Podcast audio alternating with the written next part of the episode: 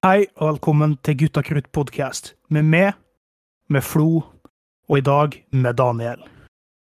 Og Daniel, hvis du var et redskap på kjøkkenet, hva ville det vært da?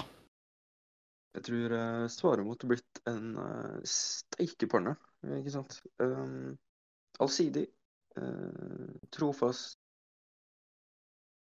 tykt bunns, uh, mulig å bruke til det meste. I hvert fall når det kommer til steiking og ja, steiking. Ja. Og kan brukes i ovn og hele pakka? Ja, herregud, du kan jo presse ting med den også. Det er jo et fantastisk redskap. Nonstick eller eh, onstick, ikke sant? Ja, ja, ja. Så mange valg. Ja. Ja, at du kan, man kan slå ned innbruddstyver med det. Du, jeg, jeg kan brukes til så mangt. Ja, jeg tror det. Ja, jeg syns det passer til det, Daniel. Det. Jeg er spent på å høre hva, hva dere er, da. Ja. Flo? Det første, det første jeg må tenke på, er faktisk skei. Fordi jeg, jeg syns at skei, det er en viktigere redskap enn både som vanlig smørkniv og gaffel. Fordi med verken smørkniv eller gaffel kan man spise suppe. Og jeg føler at hvis livet er ei suppe, da er det jo best å være skei. Altså, livet starter i suppe, så ursuppe, ikke sant?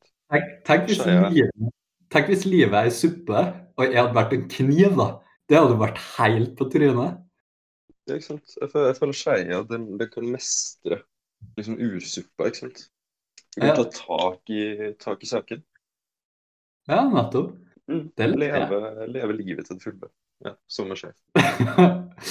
um, ja, det handler vel handler litt om livsmestring, tror jeg, til og med å være skei. Absolutt. Absolutt. Men uh, du, Marius, Ja. det er hva, hva du er for noe. ja. Jeg skal holde meg veldig kort. Uh, jeg er visp som blander alt sammen, sammen og får det til å bli det det skal være. Det er jo sant, da. Eh, Du er jo vår MC, liksom. Master of Ceremony, så jeg føler det passer ganske bra. Men eh, er du en håndvisp eller en elektrisk vipp? Føler du har litt power, da? Jo, jeg har litt power. Har litt power, så jeg kan godt være, være håndvisp, eller vispen i en sånn uh, kjøkken, KitchenAid kjøkkenmaskin, liksom. Ja. men er det òg litt power til. Så, Men det er jo spørsmålet, er du mest old school, litt sånn hands on, eller er du litt mer en den moderne verden? jeg er en pen blanding, egentlig, så da tipper jeg egentlig at da blir jeg stavmikseren, altså. Jeg er litt, litt overraska over at ingen uh, sa kniv, ikke sant? For at uh, vi er ganske skarpe karer. Ja, Ikke sant? Og, og kniven er jo kanskje dødsviktig instrument da, i uh, kjøkkenet og hverdagen generelt. Altså, man, kan, man kan kutte jungel med kniv, ikke sant? Ja. Man Jo. kan erobre land med en kniv. Du kan stjele en lommebok, du kan kutte en løk. Det er liksom Verden Mm. ligger for dine føtter da, når du er en kniv. Kanskje er vi bare litt sånn humble? Det, Ja, jeg tror, tror kanskje det er vårt problem, da. Ikke sant? ja. vi, ja. Du sier noe der, da. Mm. Det, kanskje burde vi alle ha litt ambisjon om å, om å være litt mer kniv i hverdagen? Ja, jeg, jeg tenker kanskje at målet burde være en kniv. Det er greit å innse at man ikke er det, men kanskje, kanskje det er Ja. man skal streve mot, da. Men eh, du, sist podkast så uh, fant vi noen sånne utfordringer å stille hverandre. Og i hvert fall føler jeg at uh, poddens første utfordring er å være litt mer kniv, altså. Til neste gang. Mer kniv. Ja. I hverdagen. Um, nå som vi snakker om knife, så um, driver jeg og lærer en sang på gitar nå, som originalt er av uh, The Knife, som heter Heartbeats. Bare at, uh, Elektropop-bandet, liksom. ja, bare at jeg spiller uh, José Gonzales sin versjon.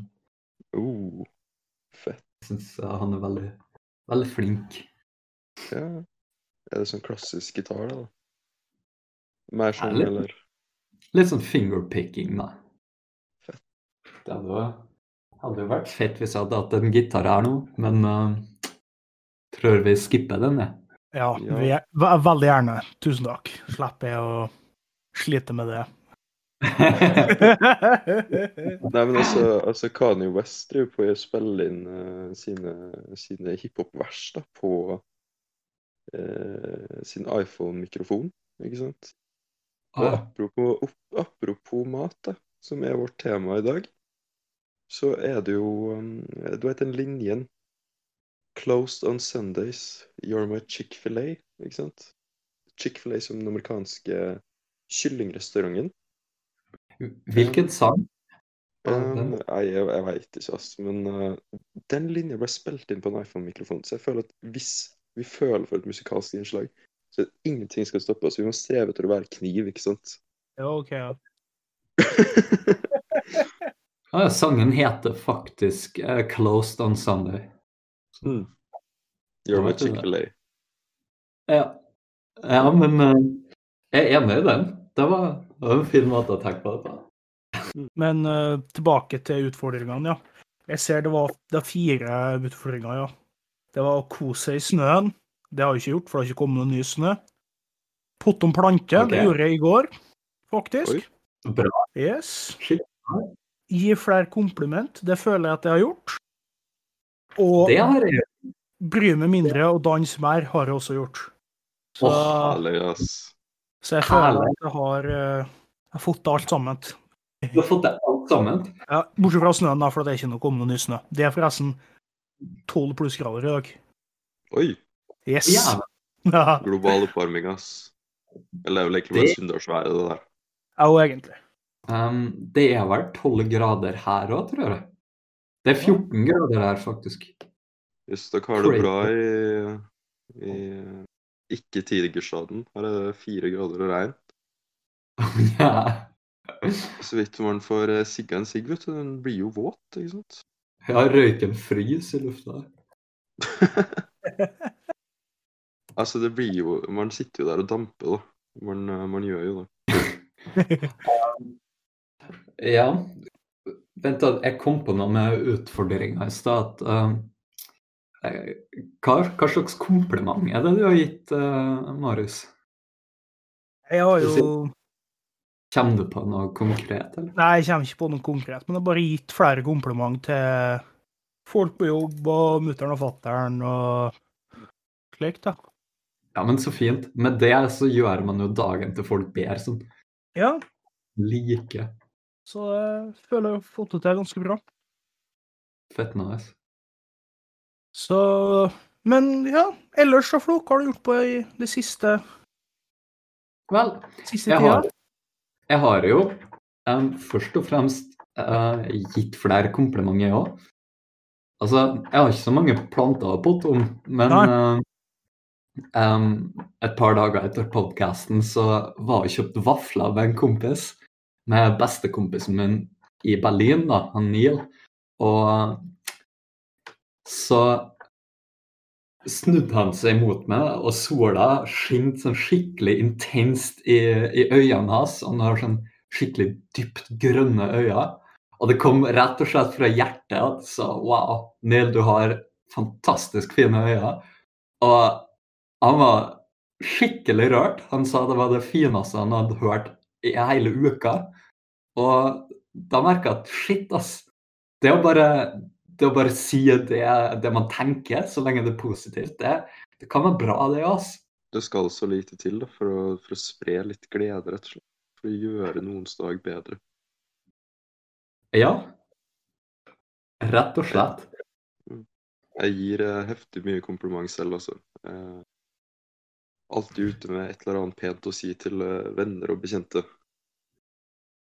Hunden får jo masse ros, ikke sant? Og min samboer det samme. Ja. Det, det merka jeg godt da jeg var, da var jeg i Oslo sist. Da var jeg følte meg skikkelig empowered av uh, all positiviteten din og uh, det andre òg, for så vidt. En flott vennegjeng dere har der i Oslo. Men uh, em, bortsett fra å gi kompliment, da, så har det jo vært masse snø i Berlin, så jeg hadde noe eh, Sist gang hadde det vel vært å aka, men så frøs faktisk alle kanalene i, i Berlin igjen, så det gikk an å gå på kanalen, og det skjer ikke ofte. altså. Så det var bare tusenvis av folk på isen. Så vi gikk nå på bytur over isen. Det var skikkelig, skikkelig gøy. Og det er jo så mange rare folk i Berlin nå, vet du. At det, det var sånn små cruise med, med bare isdansere, bare kledd i sånn skikkelig hipsterklær. Og så var det folk som bare satt og hørte på tekno, og familier og alt mulig. Og så har Trivelig. Ja, rett og slett. Mens, eh, mens nå så er det jo vår, da. Plutselig blitt. Fuglene ja, fuglene synger, og det er grønt ute, og sola skinner. Og jeg har planlagt å lage en hage. En skikkelig grønnsakshage. Ja, men så deilig. Et sted å ta kaffen om morgenen. Eller Ja. en kopp te, eller bare så et lite sted for et pusterom.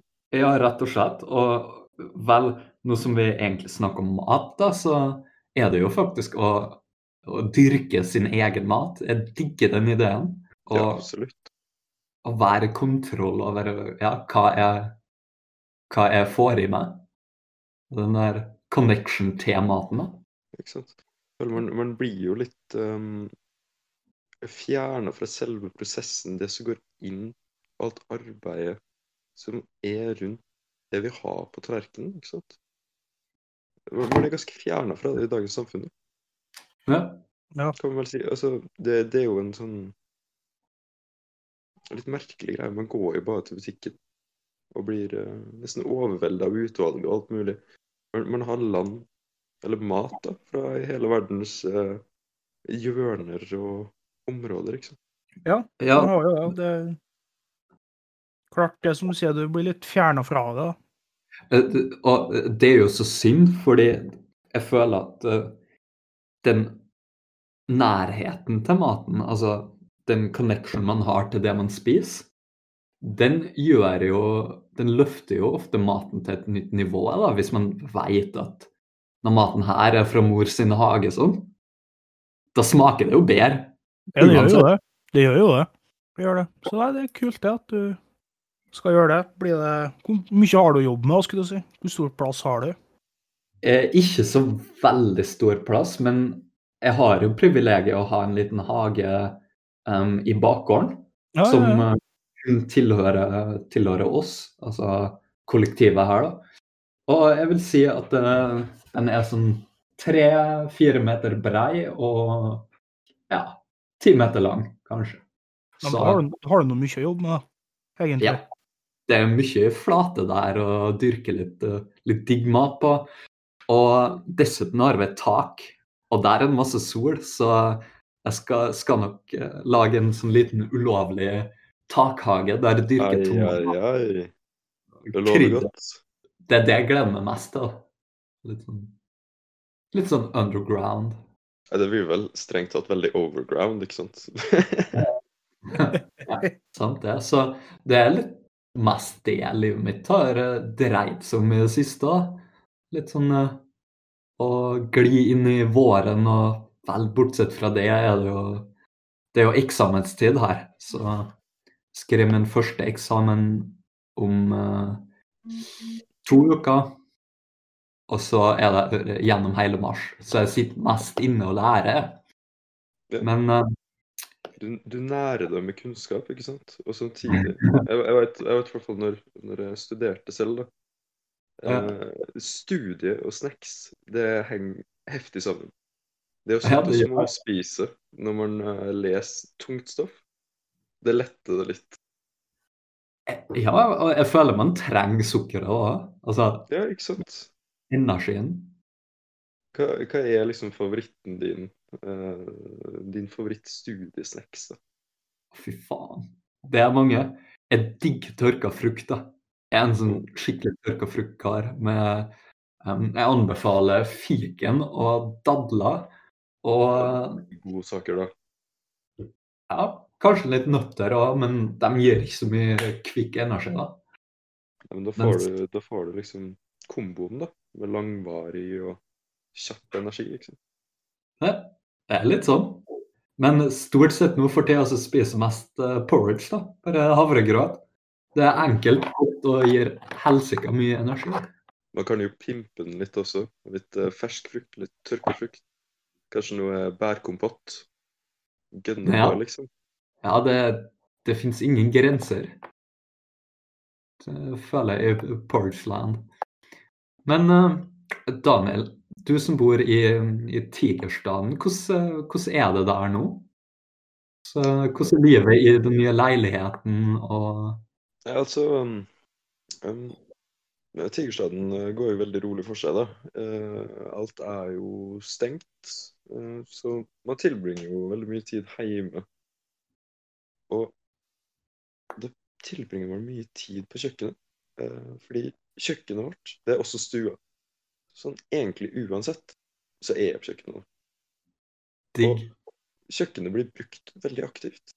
Um, laget uh, mye enkle, uh, raske middager. Men nå et par litt mer sånn ting man kan ta seg tid til, ikke sant. Um, vi har jo laget uh, tofu tikka masala og en vegansk bolognese og liksom heftige, sånn hearty måltider, ikke sant. Ting som metter og varmer. Um, Litt sånn vin eh, vintermåltid ta det her, egentlig.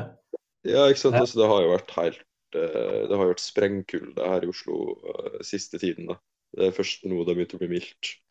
Når man går ut og det er 14 minus, ikke sant. Hatt en tung dag på jobb. Da vil man ha noe varmt og godt. Det er, det er helt Texas, jo. Uh, Bokstavelig talt. ja, faktisk. Vi har jo heldigvis fortsatt strømmen her, da. Ja, sant det. Det hørtes skikkelig trivelig ut, da, Og jeg føler den litt selv, da. At denne vinteren her har det vært usedvanlig mye på kjøkkenet. Og um, har dere drevet dere og utforsker mye sånn nye uh, nye grounds når det gjelder mat? Eller, eh, altså hva dere lager? For det høres litt sånn ut. En, altså, vi har jo vi har fått oss en kokebok, faktisk. En, en fysisk kokebok. Digg. Ja, Det, det er faktisk helt fantastisk. Man kan bare slå opp på en side, finne noe som ser eh, fristende ut, og lage det. Helt ærlig, jeg syns det er litt irriterende å få masse oljesprut og sånt på mobilen når den står og steiker, ikke sant? Ja. En bok den kan jeg slenge rundt. Eh, en nyvinning for oss har jo vært eh, tofu. Eh, det, altså det var jo vel en, en par måneders tid siden vi prøvde det første gangen. Og vi ble litt frelst, så vi har fått et kick ut av å lage diverse tofuretter. Både gryter og ja, middagssnacks. Alt mulig rart. Tofu. er jo, er jo når det er sprøtt. Ja. Men ja, tofu. Ja. Det har jeg begynt å bruke litt sjøl òg, faktisk. Ja. Etter jeg fikk eh, tips var fra Hans, tror jeg, å fryse det først. Ja, absolutt. Det var Tenkte en eh, lifesaver. Ja, for at jeg har prøvd tofu litt før. Det har liksom ikke vært noe Hvorfor skal jeg spise det her når jeg har så mye annet jeg kan ha til meg, liksom? Men uh, for fryst det, og så ha det til mer smak, det, det fungerer bra, altså. Fryse og marinere er jo, er jo et must, føler jeg. Og ja, for, for at det ikke skal være helt uh, soggy, liksom. Ja. Det har jo blitt det. det har jo blitt. Før så har jeg alltid tenkt på tofu som på en måte uh, et protein må ha til det hvis du ikke spiser kjøtt, på en måte. Det har ikke vært noe ikke jeg syntes var spesielt godt eller noe i det hele tatt. Men etter jeg begynte å fått uh, fått eh, lært å lage skikkelig, da, så er det ganske godt, faktisk. Ja. Det, det kan vi vel si gjelder det meste av mat, da. Altså, Jo, jo, jo, jo. jo. teknikken som går inn i det, har veldig mye å si for, for utfallet. Altså, man kan, man kan hate en ingrediens til man smaker det på rett vis. Det kan være ganske universelt, egentlig. Sånn, det kan gjelde de fleste både grønnsaker og ulike fisketyper, kjøtt, hva det skulle være, da. Ja, Det er jeg helt enig i. Og det, det er mye sånn Har mye kokt mat i Norge. Der hvor det er mye sånn så, Men å få ting som er kokt, få en runde i stekepanna istedenfor, det hjelper på mye, altså. Absolutt. Det er eh, potet, på en måte, som er min store For koka potet er egentlig bare godt sammen med brun saus. Eh, men å steike poteten, bake poteten, sånne ting, da blir det spist mye mer potet. Det Altså, det er vel en grunn-. Det er vel en grunn til at man, man bruker potet som et begrep for noe allsidig, da. Jo, Man kan jo, jo. gjøre så mangt med den. Og så kok den, mos den og ha den i en, eh, i en gryte, ikke sant. det, er vel, det er vel litt podkast å dra inn masse referanser, ikke sant. jo, jo, jo, jo, jo, jo. Ja, de var gode, den der. Hei, hei, hei. Så skutta kruttfarmene hele pakka. Absolutt. Det her er, det her er podkastenes piffikrydder, da. kan vi kalle det. ja. Men eh, apropos sånn Altså, tofu brukes jo mye som en sånn kjøtt replacement. Ja. Og det er jo en stor verden innenfor akkurat det temaet der òg, med både seitan og tempe og, og sånn impossible burgers og sånn òg. Dere har dere vært og snuska litt i, i de krokene òg, eller? eh, Altså, jeg, jeg, har, eh, jeg har spist en del sånne impossible-greier. Um, men jeg må si at prisen på det her til lands da, Ja. er ganske grov. Um, det er altså Det er dyrere da ofte å kjøpe sånn her impossible kjøttdeig enn å faktisk kjøpe vanlig kjøttdeig, ikke sant? Ja, kjøttdeig er som, jo ikke så forferdelig billig i utgangspunktet, så det er Nei, liksom er ikke ikke noe vi livnærer oss på, da. ja. Nei, for Ja. Jeg smakte jo spesielt i sommer. Eh, da smakte jo den der Beyond Burger, eller hva farsken heter. Mhm. Eh, fordi at Hans hadde fått, fått av far sin, og det var jo veldig godt. Men hva kosta 100 kroner for to stykker, eller noe sånt? Og da er blir det, det, ja, da blir det for dyrt, altså. Blir det. Og det er jo litt det at eh, jeg stiller meg ofte, eller mer og mer spørsmål sånn Er det nødvendig at det smaker som kjøtt? Og- Nei, det er ikke det.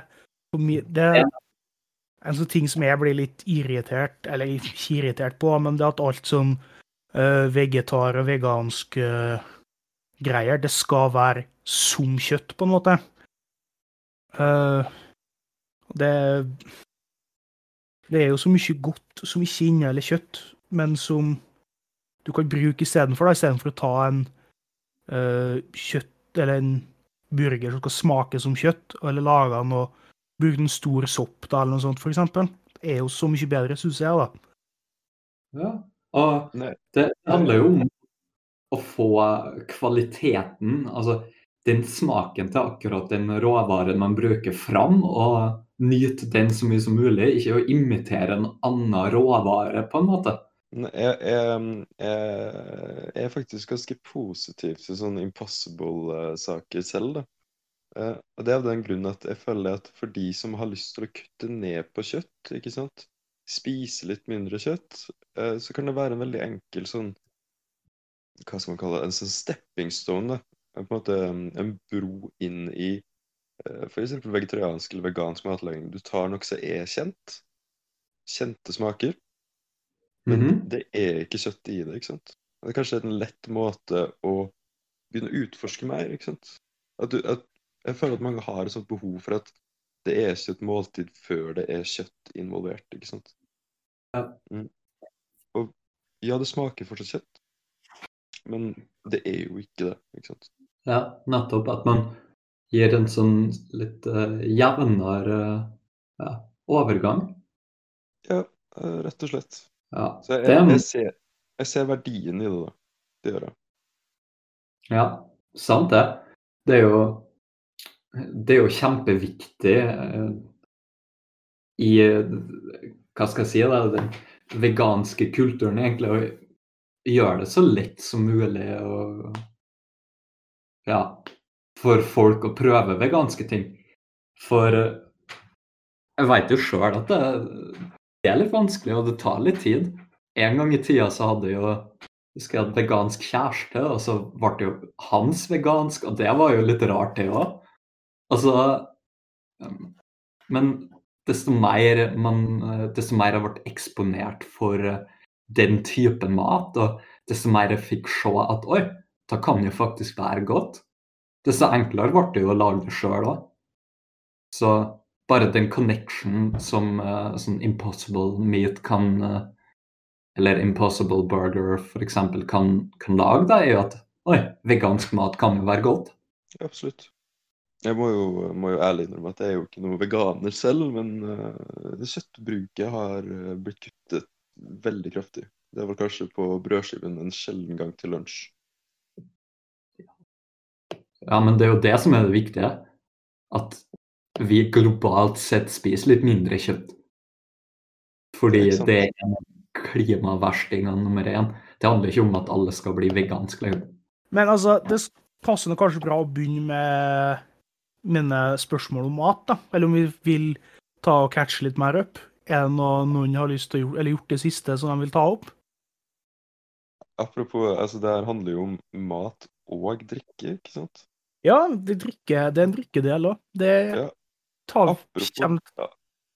Apropos drikke, jeg var jo uh, på besøk hos uh, noen venner uh, her om dagen. Og da var det jo god drikke involvert. Ja. Så i dag er jeg litt redusert, da. OK, OK. ok. Må bare ærlig innrømme det. Men Uh, det var, det var drikke, så det er jo ikke helt, øh, helt fremmed for podkasten. nei, nei, nei. nei, nei. Mm. Men drikke var jo kanskje det minst viktige med, med kvelden, da. Det var kanskje Twister, laget med gaffateip.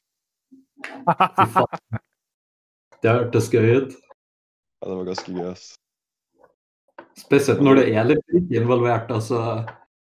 Ja, jeg, jeg er ganske støl i beina. Jeg må ha de over hodet i dag, liksom.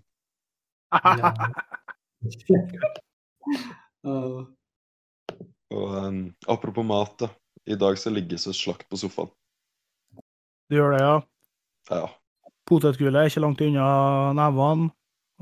ja det var, det var frokostsandwich, og så har det bare gått i kaffe og solo hele dagen.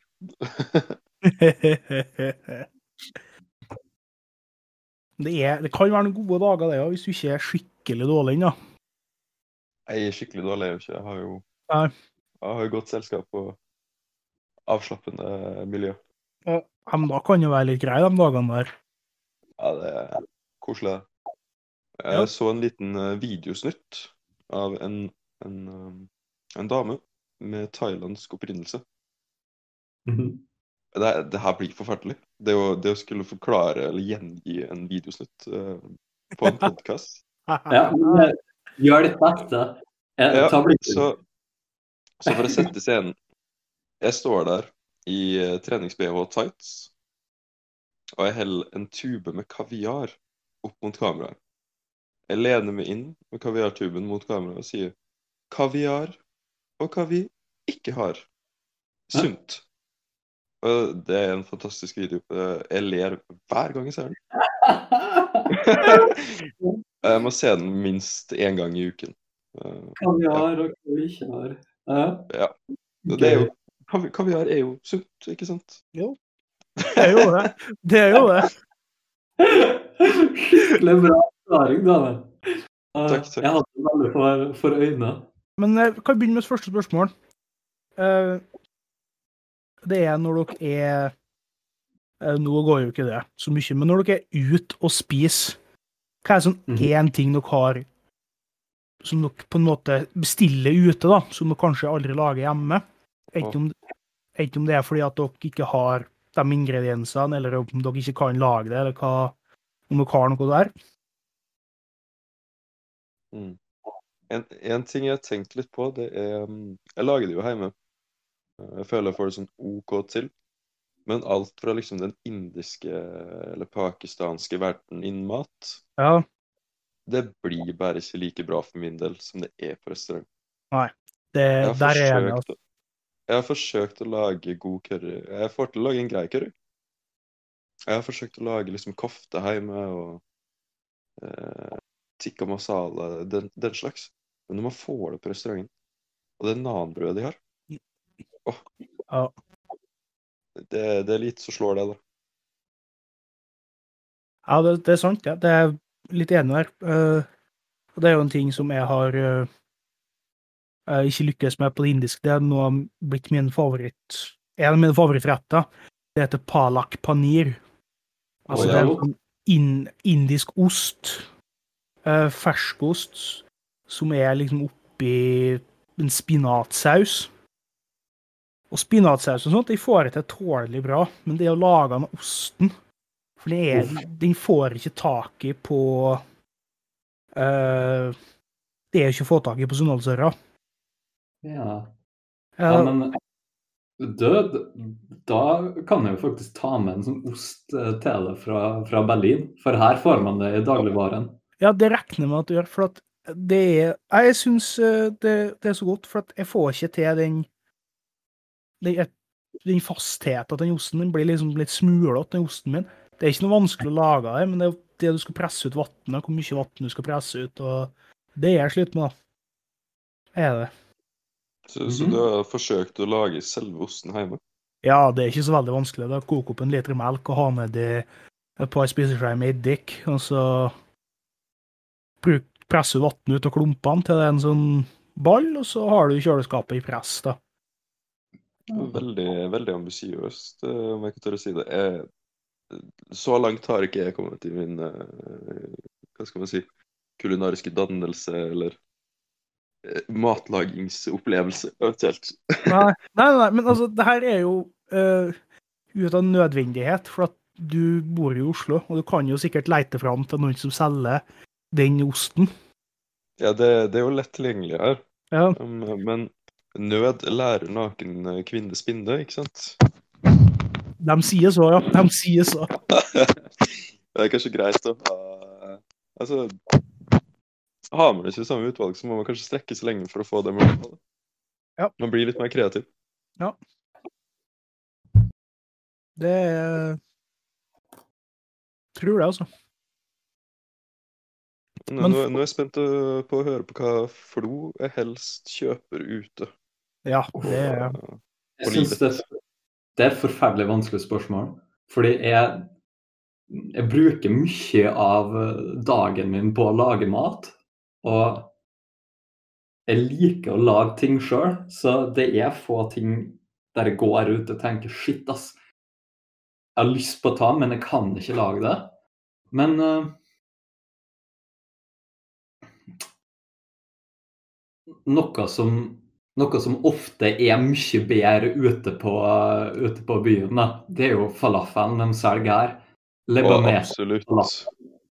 Altså, det går jo an å lage falafel sjøl, men det har, lik- det har ikke den, den kicken til Ja, til sånn et par lebanesere som står og lager noe fala- falafel for det, og putter oppi sånn roasta veggies og sånn sånn familieoppskrift på, på saus, liksom. Det, det går ikke an å, å toppe det, tror jeg. Nei, jeg ser den, altså. Det, det er lite som slår en god falafel, både i edru og ikke-edru tilstand. Ja. Enig der, altså. Og der er jo Mm, også Kebaben er jo mye bedre ute enn den du lager sjøl. Ja, absolutt. Ja. Ja, og jo mer. Jo mer sølete og, og greasy slik mat er, jo bedre. Oh, ja. Altså, jo, flere, jo flere flekker du får på klærne dine etter å ha spist det, jo bedre var opplevelsen. ja. Um, Jeg lurer på om vi, vi kanskje bare ikke er greasy nok her hjemme til å kunne etterligne det der. At det er det som er elementet som mangler, da. Ja, ikke sant? Altså, jeg, jeg, har jo, jeg har jo begynt å frityrsteike diverse ting eh, hjemme, ikke sant? Men det, Ja. det å gå rundt i den steikeosen og kjenne det at, eh, at eh, ditt eget hjem da, lukter gatekjøkken, det er helt vanskelig. Vi har litt dårlig kjøkkenvifte, vet du. Ja. Men da, bruker du, er bruker du gryte når du friterer, eller har du egen frityr?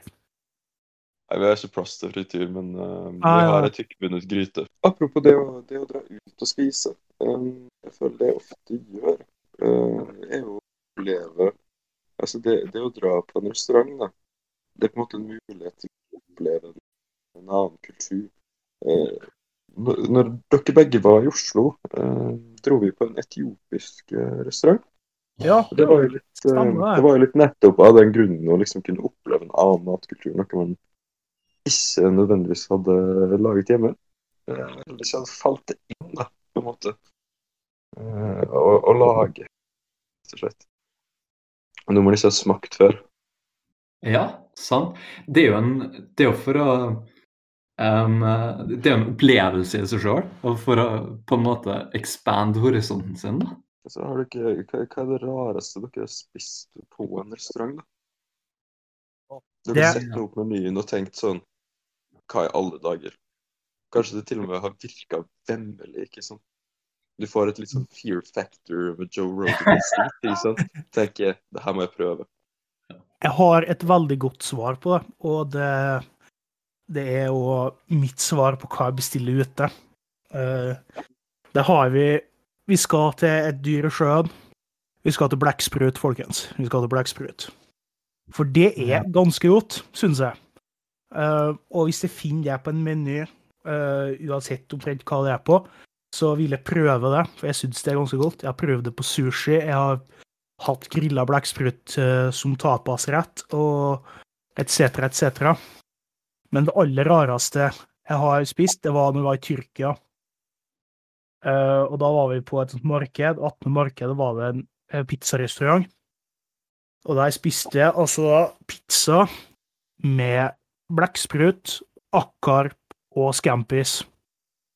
Mm. Og det jeg tror jeg er det rareste jeg har spist ute. Det hørtes kjempegodt ut, egentlig. Det var jo kjempegodt, syns jeg. Eh, Men det, den komboen Det er bare så, så rar en kombo. Aldri tenkt på det. Jeg tenkte, men jeg må prøve det her. Og det var veldig, veldig godt. Det var skikkelig fiskepizza. Det ble det. Eller pizza. Ja. Det er jo det er ofte på reise da, at eh, jeg har spist eh, litt sånn sære ting. Det er jo er sånn fremmede kulturer. Um, for eksempel i Vietnam så, så fikk jeg noe smak på det ene og andre der eh, for eksempel alligator. Det var, det var litt spesielt å spise. da. Det smaker jo, som folk sier, som en blanding mellom kylling og fisk. Yes. Men ofte så når man, altså når man er og kjøper ei suppe i Vietnam, så er den der eh, rarhetsfaktoren at man ikke veit hva det er for noe. Det, man, man skjønner ikke hva den subst, substansen er det, som, man, som man har i seg, fordi det, det er ofte sånn eh, Litt sånn puddingaktige, fiskesmakfylte um, Formløse ting i denne suppa, der man ja, sitter og undrer. Da. Og man veit heller aldri om man nettopp har spist hund, eller noe sånt. Fordi man ikke kan identifisere maten. Så det er nok det som ofte er det rareste å spise, da. Der jeg rett og slett ikke har peiling hva det er å spise. Ja, det kan være mange, mange mysterier nøstet opp i matens verden her. Men du da, Daniel, du som stilte spørsmålet. Hva er det rareste du har spist ute? Nei, det, det blir jo litt, eh, litt vanskelig å svare på. Jeg stilte jo egentlig spørsmålet mest fordi jeg var nysgjerrig um, på deres svar. Um, så jeg har jo spist veldig mye bensinstasjonsmat. Jeg er jo ikke så veldig eh, stolt over å innrømme det, men i Japan så levde jeg jo på 7-Eleven. Da fikk man, da man kjøpt um, trekanter med ris um, med laks eller tunfiskfilm. Som var overraskende godt. Altså, helt ærlig, uh, den maten de hadde på bensinstasjonen da, det var kanskje bedre enn noen av eh, av kebabene man kan få rundt omkring i byen her i Oslo, da. Jeg har jo, jeg har jo spist en del eh, hva kan man si, vemmelig kebab og eh, tvilsom måltider, da. Vinnis kebab, for eksempel. Plaster, eh, plasterbiter og slåssing. Det var ikke, var ikke noe særlig. Altså, det er én, pizza jeg alltid jeg synes virker så forferdelig fæl. Um, men den har sine, sine stamkunder, da, kan man vel si. Og det er nemlig et av utvalgene man har på Pizzaekspressen. Ekspress pizzaburger, ikke sant? Oi. Det, den eh, fryktede Langslågata spesial. Pizzaen med banan på. Det er på East Er det West. Det? Er på West. Beklager, beklager. Det er kylling, banan og karripulver på den. hvem i alle dager er det som bor i Langslågata? Altså, hva er det her? Um, nå skal jeg nå skal jeg whippe fram ytringsfriheten min her og si at den pizzaen der, den er jævla god. Det er ganske Ja, god, faktisk. Nå, nå er jo eh, eh, som kjent en eh, ganske stor motstander av banan. Eh, Ja, stemmer.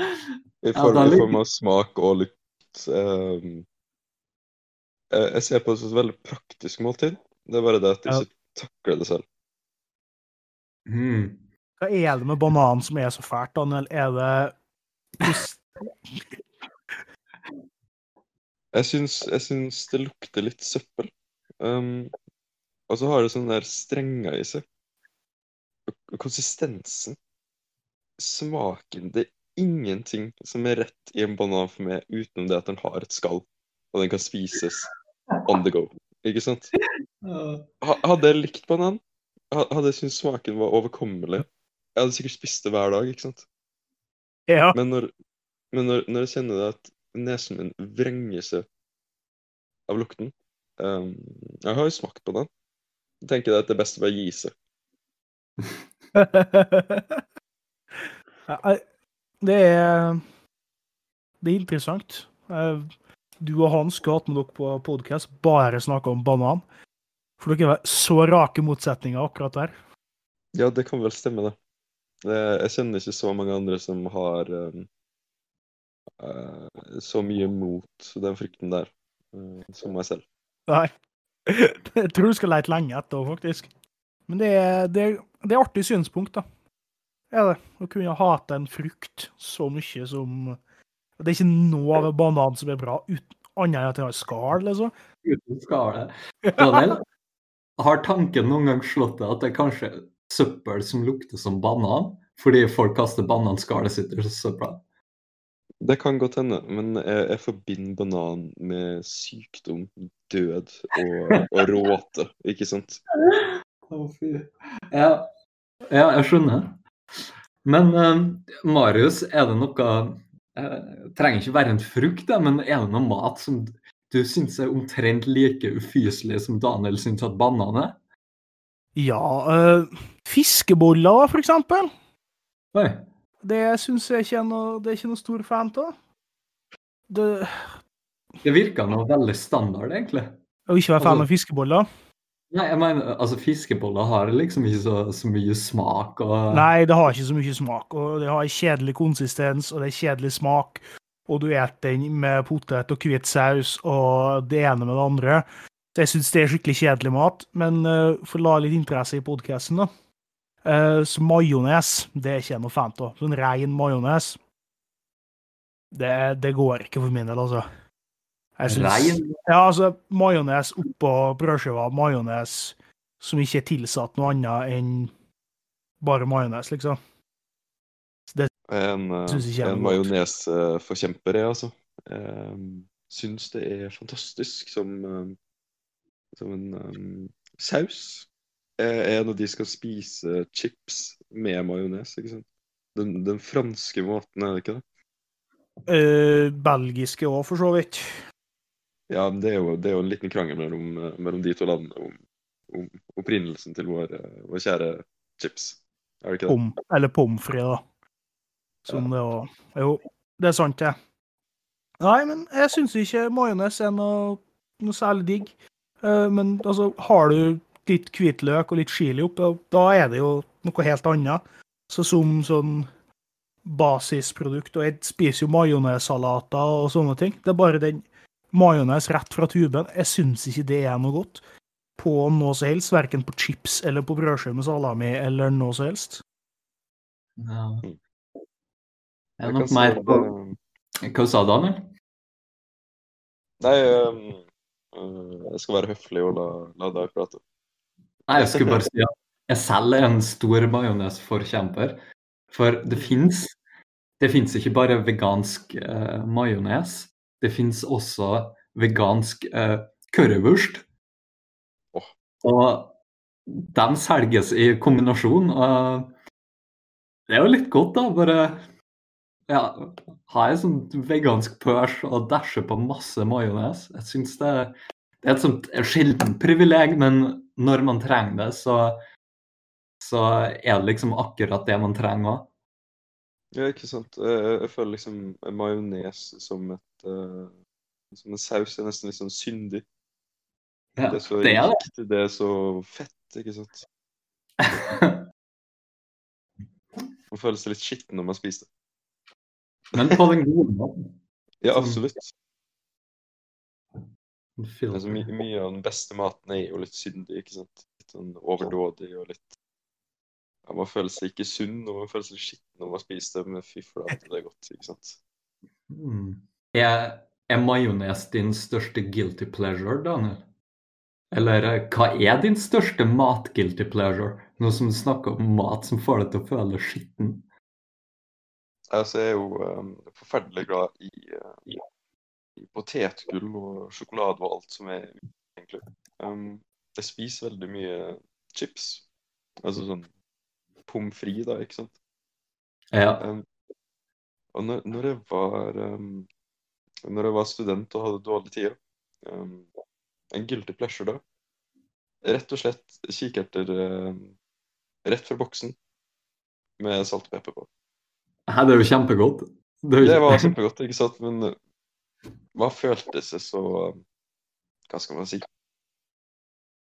Er det her det spiser, tenkte jeg. Hvorfor, hvorfor er det så godt? Det, det var liksom bare å åpne en boks, salt og pepper, og så var Men det følte du, det, følte du deg skitten av å spise kikerter? Jeg vil ikke si, si skitten direkte, jeg ville heller kanskje sagt at det følte lat. Um, litt oppgitt. Ja.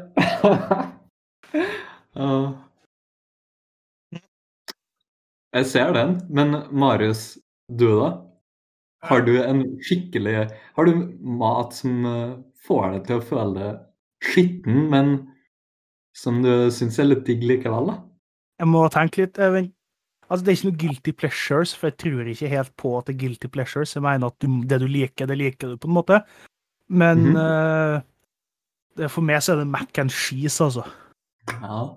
Eller makaroni eller pasta med skikkelig feit ostesaus. Det, den Ja, detter det- den- detter i den kategorien for meg. Liksom. Men det er godt. Det er kjempegodt. Og gjør du det, skik Det, gjør du det skikkelig, så er det altså så Det er godt uansett om du bruker fem minutter på det, eller om du bruker en time på det, på en måte. Om du tar og lager hurtigversjon, eller om du tar og lager det skikkelig, så er det Ja, det er godt uansett, på en måte. Hits the spot. Yep. Enn hva må du, da, for noe? Eller Ja, jeg, jeg tenkte litt på det i går at um, Jeg føler at de, de fleste veganere de cheater litt, da. Og min største guilty pleasure, det er jo baklava. Fordi der er det Det er smør oppi. Det er smør, men fy faen hvor godt det er. Det er fantastisk. er det Ja, ofte er det lett for meg etter en hard dag å knipe igjen et øye, et øye og ja, kjøpe litt eh, Kjøpe en sånn stor tray med baklava. Det, Du- det er Du klarer å spise mer enn ett stykke av den. Ja, det, det er ganske mettende. ja. Det, altså jeg er, er veldig glad i baklavaen selv. Um, Men det er eh, en av de matvarene jeg faktisk ikke klarer mer enn én bit av. Det, det er rett og slett mm, en, matsort med for mye makt. Jeg vet ikke. Jeg blir, jeg blir liksom maktesløs. Eh, Jeg føler nesten du er litt heldig, da. Fordi i det øyeblikket man kan spise mer av det, så spiser man jo til man blir kvalm. Og dessuten er det dyrt. Det er sant.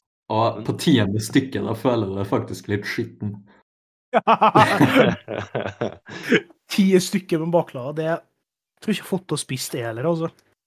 det er imponerende. Ja, det, ja, det er imponerende. Jeg bøyer meg i støvet for det, altså. Flo. Det må jeg si. Baklavakongen her, gitt. Ja, fy faen. Skulle ønske jeg kunne si skamløst, men eh, Nesten, da. Det er ikke så mye skam i det. Det er, det er lov å unne seg noe godt en gang iblant. Ja, ja, ja. Det er... Og det Og sånn, Ja, Daniel, vær så god. ja, nei, jeg, jeg tenkte jeg skulle slenge inn noe litt, eh, litt urelatert, eh, hvis det er greit. Eh, det har jo med mat å gjøre, selvfølgelig. Ja, ja, kjør på. Kjør på. Ja. Så vår, vår kjære venn Tobias, eh, han har jo mye av de her eh, flotte sunndalske dialektorda i sitt, eh, sitt vokabular, ikke sant? Der er han flink, faktisk. Ja, der, der er han veldig god. Og det er ett, ett matrelatert uttrykk jeg virkelig har bitt meg fast i. Og det er forkuntmat. En, en forkunt glede, rett og slett. Ikke sant? Er dere kjent med begrepet?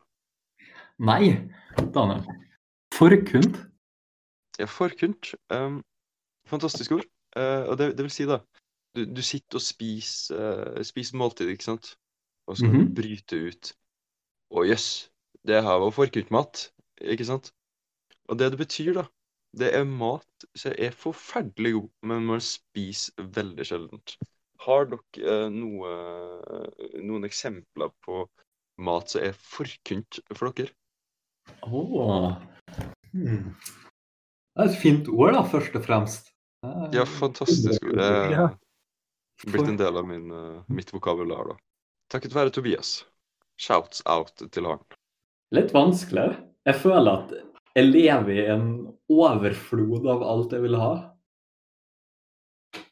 Oi, oi, Ja. oi.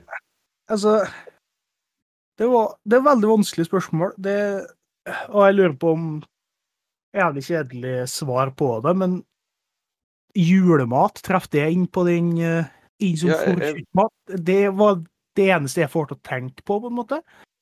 Sånn som ribbe og pinnekjøtt. Jeg, jeg føler det kan, eh, kan passe inn i den kategorien.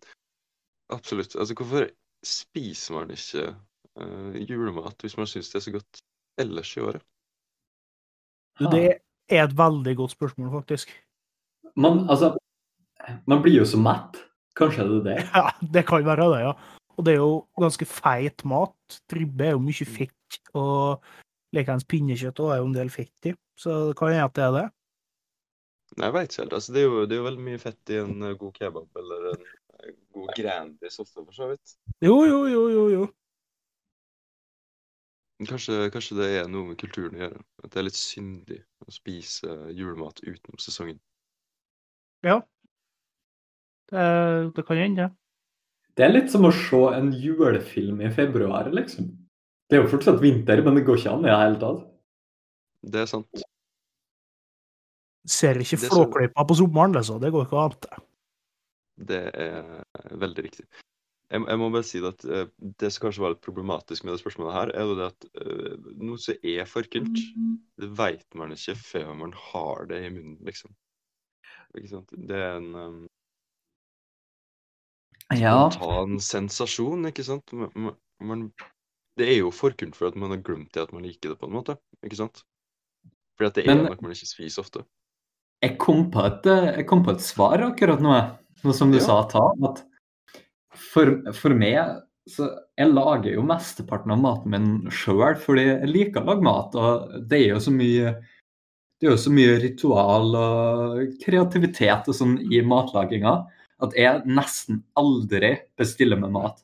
Det skjer én til to ganger i året. Og her om dagen så var eh, kjæresten min ferdig med eksamenstida, så vi tok og bestilte vegansk sushi. Hey. Og noen gang bestilt mat i Berlin, sånn. Så det var en litt sånn first for oss. Og det var, det var litt sånn Hva du kalte det? Forkynt? Forkynt, ja. Forkynt. Fordi det var jo jævla godt. Og det er ikke sånn at jeg spiser eh, bestilt vegansk sushi hele tida. Så um, det har på en måte blitt en litt sånn special ting for, for meg, da, eller for oss. Spennende. Mens eh, for det da, Daniel, du som, eh, du som stiller spørsmålet, hadde noe in mind? Nei, ikke egentlig. Altså, jeg, jeg, jeg har masse spørsmål, men ingen svar, ikke sant? Det er helt lovlig, det. Helt lovlig. Mm. Men jeg har jo òg noen spørsmål som er forberedt her. eh, Og jeg bare lurer på, når du har besøk, for eksempel, har venner over, og du skal lage noe mat, hva lager du helst når du skal lage mat til mange? Uh. Det kommer litt an på hvor mange, ikke sant? For at um, en rett jeg har laget en del eh, til, eh, til venner, eh, er okonamiyaki, eller hvor er det? Jeg er litt usikker på uttale der. Men det er da en eh, japansk pannekake laget av kål, ikke sant? Men problemet er jo det at det er en pannekake, så det, det tar jo ganske lang tid å steike det, ikke sant? Du må steike én og én og én. Ja. Så hvis jeg skal lage mat til flere, så går det jo kanskje i taco. For det er folkelig, og det er veldig sosialt å spise det. Ja, det, det er jeg jo helt enig i. Og det er jo, da har jo liksom Selv om maten ikke er på bordet når alle kommer, så kan alle kan dele på agurk og rive ost og litt slik, så du får jo med mye folk på å lage maten. Ja, ikke sant? Jeg føler, jeg føler de, de sosiale mattypene egner beste best selskap, da. Ja, og det er svaret mitt på det der, det er jo litt det samme. Det er jo grilling, eller grillmat. Ja, absolutt. Ja, det. For det er jo Folk har med det de vil, og det Nei, jeg syns for min del altså, er grilling er noe av det artigste å gjøre sammen med andre folk. Som på matveien. Definitivt en god en. Det er jo så mye ritualer i det å grille òg, vet du. Det å bare sitte der ute og ta seg en øl og nyte sola samtidig. Mm. Kjenne på, på, på røyken fra grillen, liksom. Ja, jeg er helt enig. Helt enig. Og ja, som sagt, det er sånn som med tacoen, det er veldig sosial mat. Ja, vel. Jeg syns eh, generelt mat som, skal, eh, som kan spises med hendene, det er ofte ganske sosial mat. Altså, fra, fra kebaben som Vel, det er jo hånd, håndhelt, skulle jeg si, når du er ute på byen. Eller når man bestiller pizza, når man skal se film i lag, eller eh, ja, når man lager taco, da, for så vidt. Så er det ofte det at det er sosialt, og for så vidt den etiopiske restaurantopplevelsen. Det mest sosiale med det var jo at man, man delte jo alt på en måte fra det gedigne fatet, og man spiste med hendene. Um, apropos eh, bare en uh, liten teit kommentar. Um, du sa håndholdt mat, uh, ikke sant? Har vi noen eksempler på handsfree mat? ikke sant? Altså mat man ikke trenger å bruke hendene for. Uh, eneste forslaget jeg har der, eh, er kanskje lang spagetti. Altså én kjempelang spagetti Ja. som man bare kan suge inn, ikke sant? Eller- Eller, eller suppe spist med sugerør. Å, jævlig. klarer vi å komme på en til. Vel, enkelte, mat, altså. enkelte milkshakes er jo så De er jo så fat at det er egentlig et måltid i seg sjøl. Det er sant. Men eh, Og det er godt. Nei. et veldig artig spørsmål, faktisk. Jeg kan, jeg kan komme med et medisinsk eksempel, for eksempel. Um, sondeernæring. Jaha. Nei. ja, det er jo for så vidt et måltid, det også. Um, Det er jo det. nei, vi får håpe jeg ikke mister autorisasjonen som farmasøyt nå, altså. kan ikke spøke om sånt. Ja. Skal jeg ikke sende podkasten til kolleger, men uh, man veit aldri. Skal du ikke gjøre det? Oi. Ja, ja. Uh, må vel kanskje det, da. Vi må Um, jo, vi må jo Disclaimer. Jeg har stor respekt for de som, eh, som er avhengig av sånn der næring. Flotte folk. Herregud.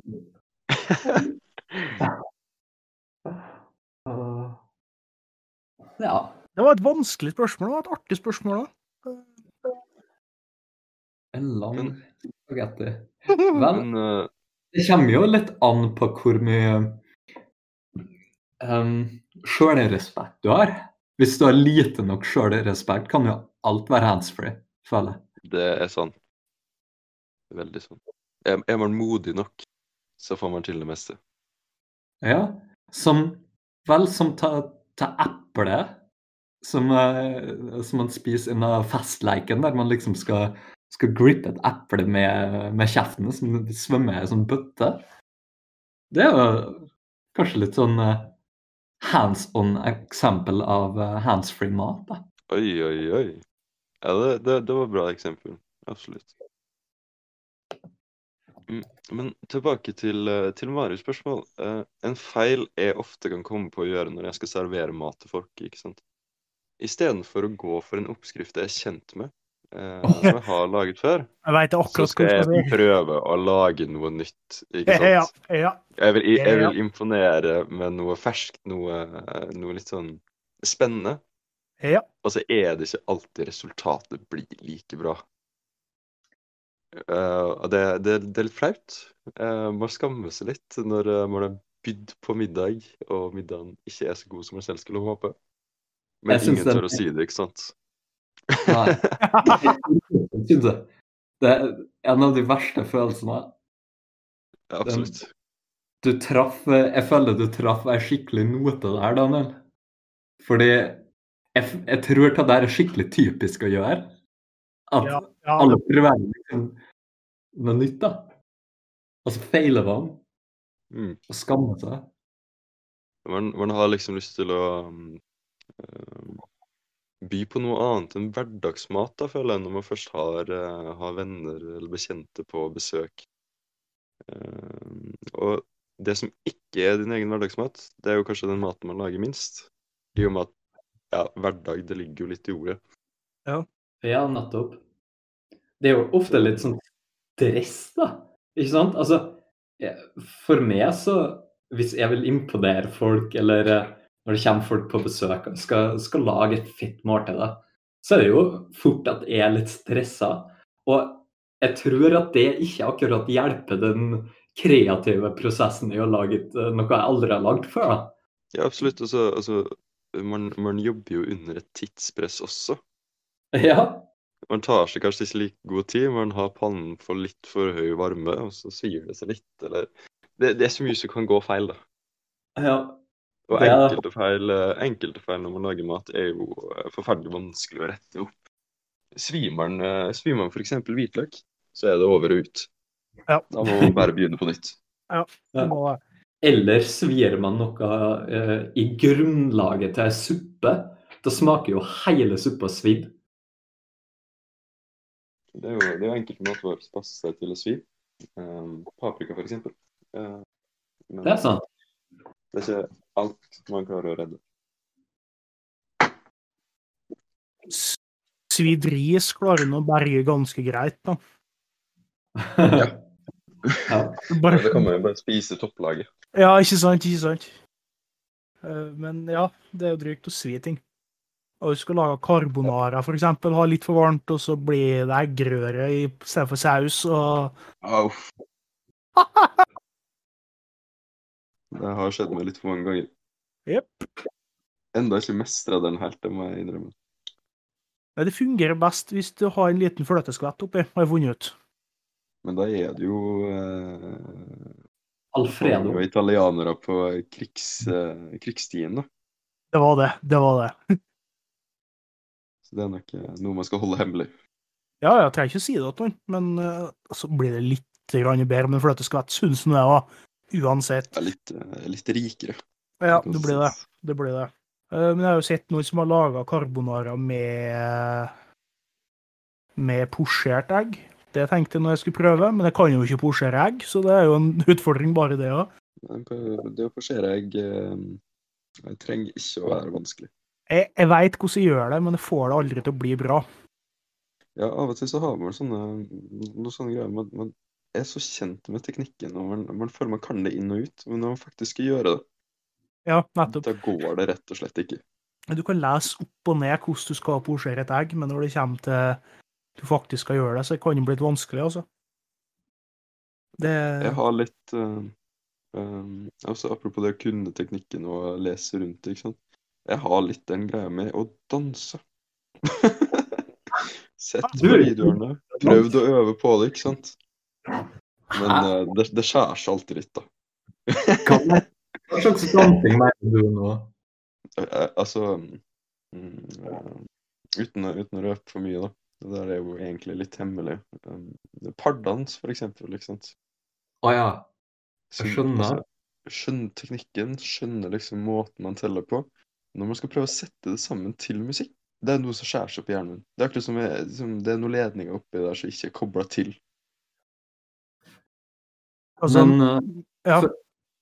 jeg føler at eh, jeg kjenner til problemet der, fordi jeg har veldig lyst til å bli flink i pardans. Um, og jeg har, jeg har gjort mange forsøk på det, og de har ofte feila litt. Men uh, etter hvert, det, det som har funka best, er jo at, uh, at man føler seg Eller at jeg har følt meg trygg. At den jeg danser med, faktisk ikke bryr seg om eh, man ja, misser et steg eller tråkker på tåa deres og sånn. For etter hvert, når man har et sånn eh, en sånn trygg atmosfære å gjøre feil i, da tør man litt mer og eh, er ikke så Ja, hodet jobber ikke så hardt. For hvis hodet jobber kjempehardt, da tror jeg ikke at man kan liksom gi slipp og, og flyte med dansen, da, hvis du skjønner hva jeg mener. Eh, veldig, veldig flott sagt. Nei, jeg tror nok, jeg tror nok det er litt mengdetrening som skal til. og uh, Dette gjelder jo alle former for aktiviteter, men det er så lett å, å se feilene man gjør, fremfor framskrittene, man tar. da. Ja, sant. Uh, altså man blir uh, man, man mister litt uh, motet når man gjør en feil, fremfor å se hvor langt man har kommet. Ja.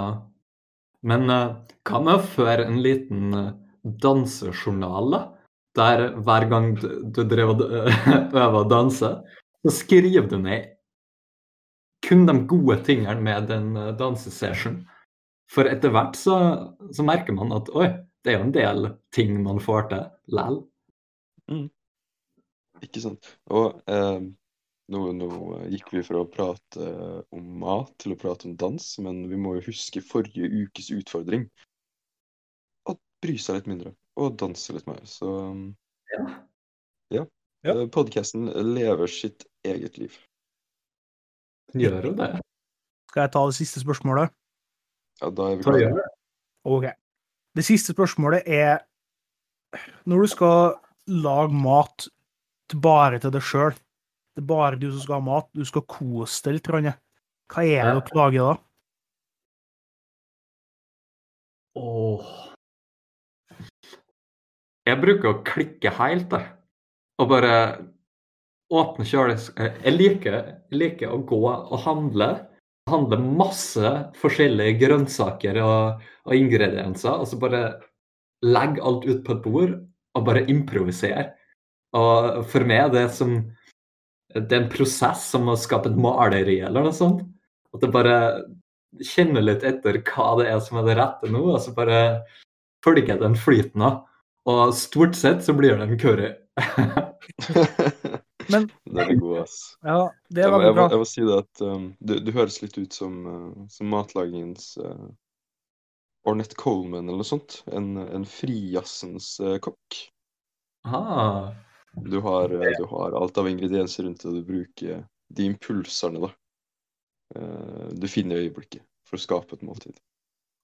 Det er veldig flott. eh, Veldig flott. Ro. Det, det, det er jo ofte da maten blir best, føler jeg, når man tør å improvisere litt. Og når man på en måte kjenner den flyten.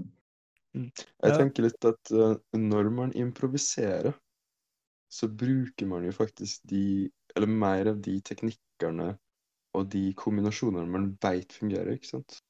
Ja, Og sant. eh, ofte, ofte når jeg leser en oppskrift, så er jo det kun på en måte en, eh, en løs instruks. Man hiver inn en liten ekstra dash der, eller man endrer kanskje rekkefølgen på måten noe skal steikes på, ikke sant? Ja. Og da, Ja. da føler jeg at resultatet blir bedre, for du bruker mer av din egen eh, kunnskap, da.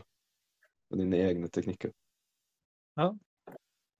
Men jeg er litt enig med Flo, men jeg gjør det på når jeg skal lage mat sjøl, da. Eller på, på hverdags, på en måte. Og tenker hva er det jeg tar i de ingrediensene jeg har, og så lager Jeg bare lager noe for å få spice opp hverdagsmaten min. Uh, fordi at jeg eter jo ganske mye mat hjemme til mutter'n og fatter'n ennå. Det gjør jeg. Så Det er jeg, det er kjempechill. Eh, Men når det kommer til å skal lage mat sjøl, så blir det ofte hverdagsmat. så blir det ofte jeg går i butikken, hva har jeg lyst på, hva føler jeg for nå, og sånne ting. Eh, Men når jeg skal lage mat til meg sjøl og bare kose meg, så er det en rett som er det er, altså, det er så enkel og god en rett. Eh, Det er italiensk rett som heter for spagetti aglio e olio. Som betyr spagetti med hvitløk og olje. Oi. Det er en god en. Ja, det er er frisk og forferdelig lett. ja, helt sykt lett. Og det å få steike hvitløken bli med olja på vei opp på varmen, så blir det sånn forbrunt lag, og ja, hvitløken blir bare kjempegod. Ha en gode biter med hvitløk oppi, og så chiliflak, da, og så en strøm parmesan og pepper oppå. Det er altså Det syns jeg er skikkelig digg å lage. Skikkelig kos mat. Det enkleste er ofte det beste. Du, det er helt sant. Og takk til uh, vår sponsor, uh, Rema 1000. Vær så snill og sponse oss. Eh, det hadde vært litt kult. Det hadde vært veldig- gult, hadde vært veldig kult, faktisk. Få 10 rabatt på ditt neste kjøp på Rema 1000 ved å oppgi Gutta Krudd podcast sendte meg hit. Eller bare si det til kattedama. Ja, absolutt. Ah. Um, selv så må jeg jo si det at eh, det er sjelden å lage middag til kun meg selv, i og med at jeg har uh, samboer. Um, og vi, vi er jo sånn uh, den typen folk som setter opp ukesmenyer og sånt for å kaste minst mulig mat. Uh, fordi at det er trist å ha noe i kjøleskapet som har blitt dårlig. Så vi baserer oss på det vi allerede har. Uh, og lager en meny ut av det. Og helt ærlig, når jeg skal lage mat til meg selv, da går det i kjappe løsninger, altså. Fordi jeg syns det å lage mat til kun én person kan være litt kjedelig. Det det syns jeg òg. Det syns jeg òg. Eh, og da går det ofte i kjappe løsninger. Eh, før så har det vært eh, eksempel eh, eh, pasta med frosne grønnsaker. Altså grønnsaker bare dumper opp det, oppi det kokende pastavannet. En par klatter med pesto. Og hvis jeg følte for næring, en boks med tunfisk oppi susen, liksom. Eh, ikke det mest inspirerende, men eh, jo det var greit nok, og det var sunt-ish. Ellers så går det jo mye frossenpizza og ostesmørbrød, da. Det må jeg innrømme. Toastpressa får kjørt seg hjemme mot meg faktisk. Jo. Det er jo eh, lite som slår smeltet ost, da. Åh. Hva er beste osten å ha i ostesmørbrød? Syns du? Jarlsberg. Helt ærlig. Det er Det er en god smelter, Det er det. det, er det. den, den, har, den har god smak. Så er den ikke av de dyreste ostene. Selv om ost er dyrt i utgangspunktet, så er det en god ost for pengene. det, er det. Jeg syns i ostesmørbrød egentlig alt Eddamer er en utrolig god ost i, Ja, i ostesmørbrød. Den, den blir jo så billig rundt juletider også. det blir den. Uh, Det er en, en, et godt valg, absolutt. det er så synd at de bare er så billig rundt uh, juletider, Ja, det er sant. egentlig. For jeg tipper at hvis den har vært litt eller like dyr, eller billigere enn den er, så har han blitt spist like mye på lik linje med Norvegia og Jarlsberg, tror nå jeg, da. Vi, vi kan vel kalle uh, eddamerosten for, uh, for forkynt, da. Rett og slett. Det Det er jeg helt enig i. Der føler jeg vi har tatt en fin sirkel til det ordet. Og når vi snakker om samboere, Daniel, så har jeg, har en date med min kjæreste om ca. fem minutter. Oi! Så um, jeg føler at eh, når vi snakker om å dra en sirkel i podkasten, så burde vi kanskje snart runde av også. Um, hvis jeg da kan få lov til å avslutte med, um, med et um, ordtrykk jeg så i en meme postet av en uh, elektronisk musikkprodusent. Uh, han, han sa da at um, en ukrainer en gang sa Man starter med olivenolje, løk og hvitløk i en stekepanne, og så bestemmer man seg for hva man skal lage til middag.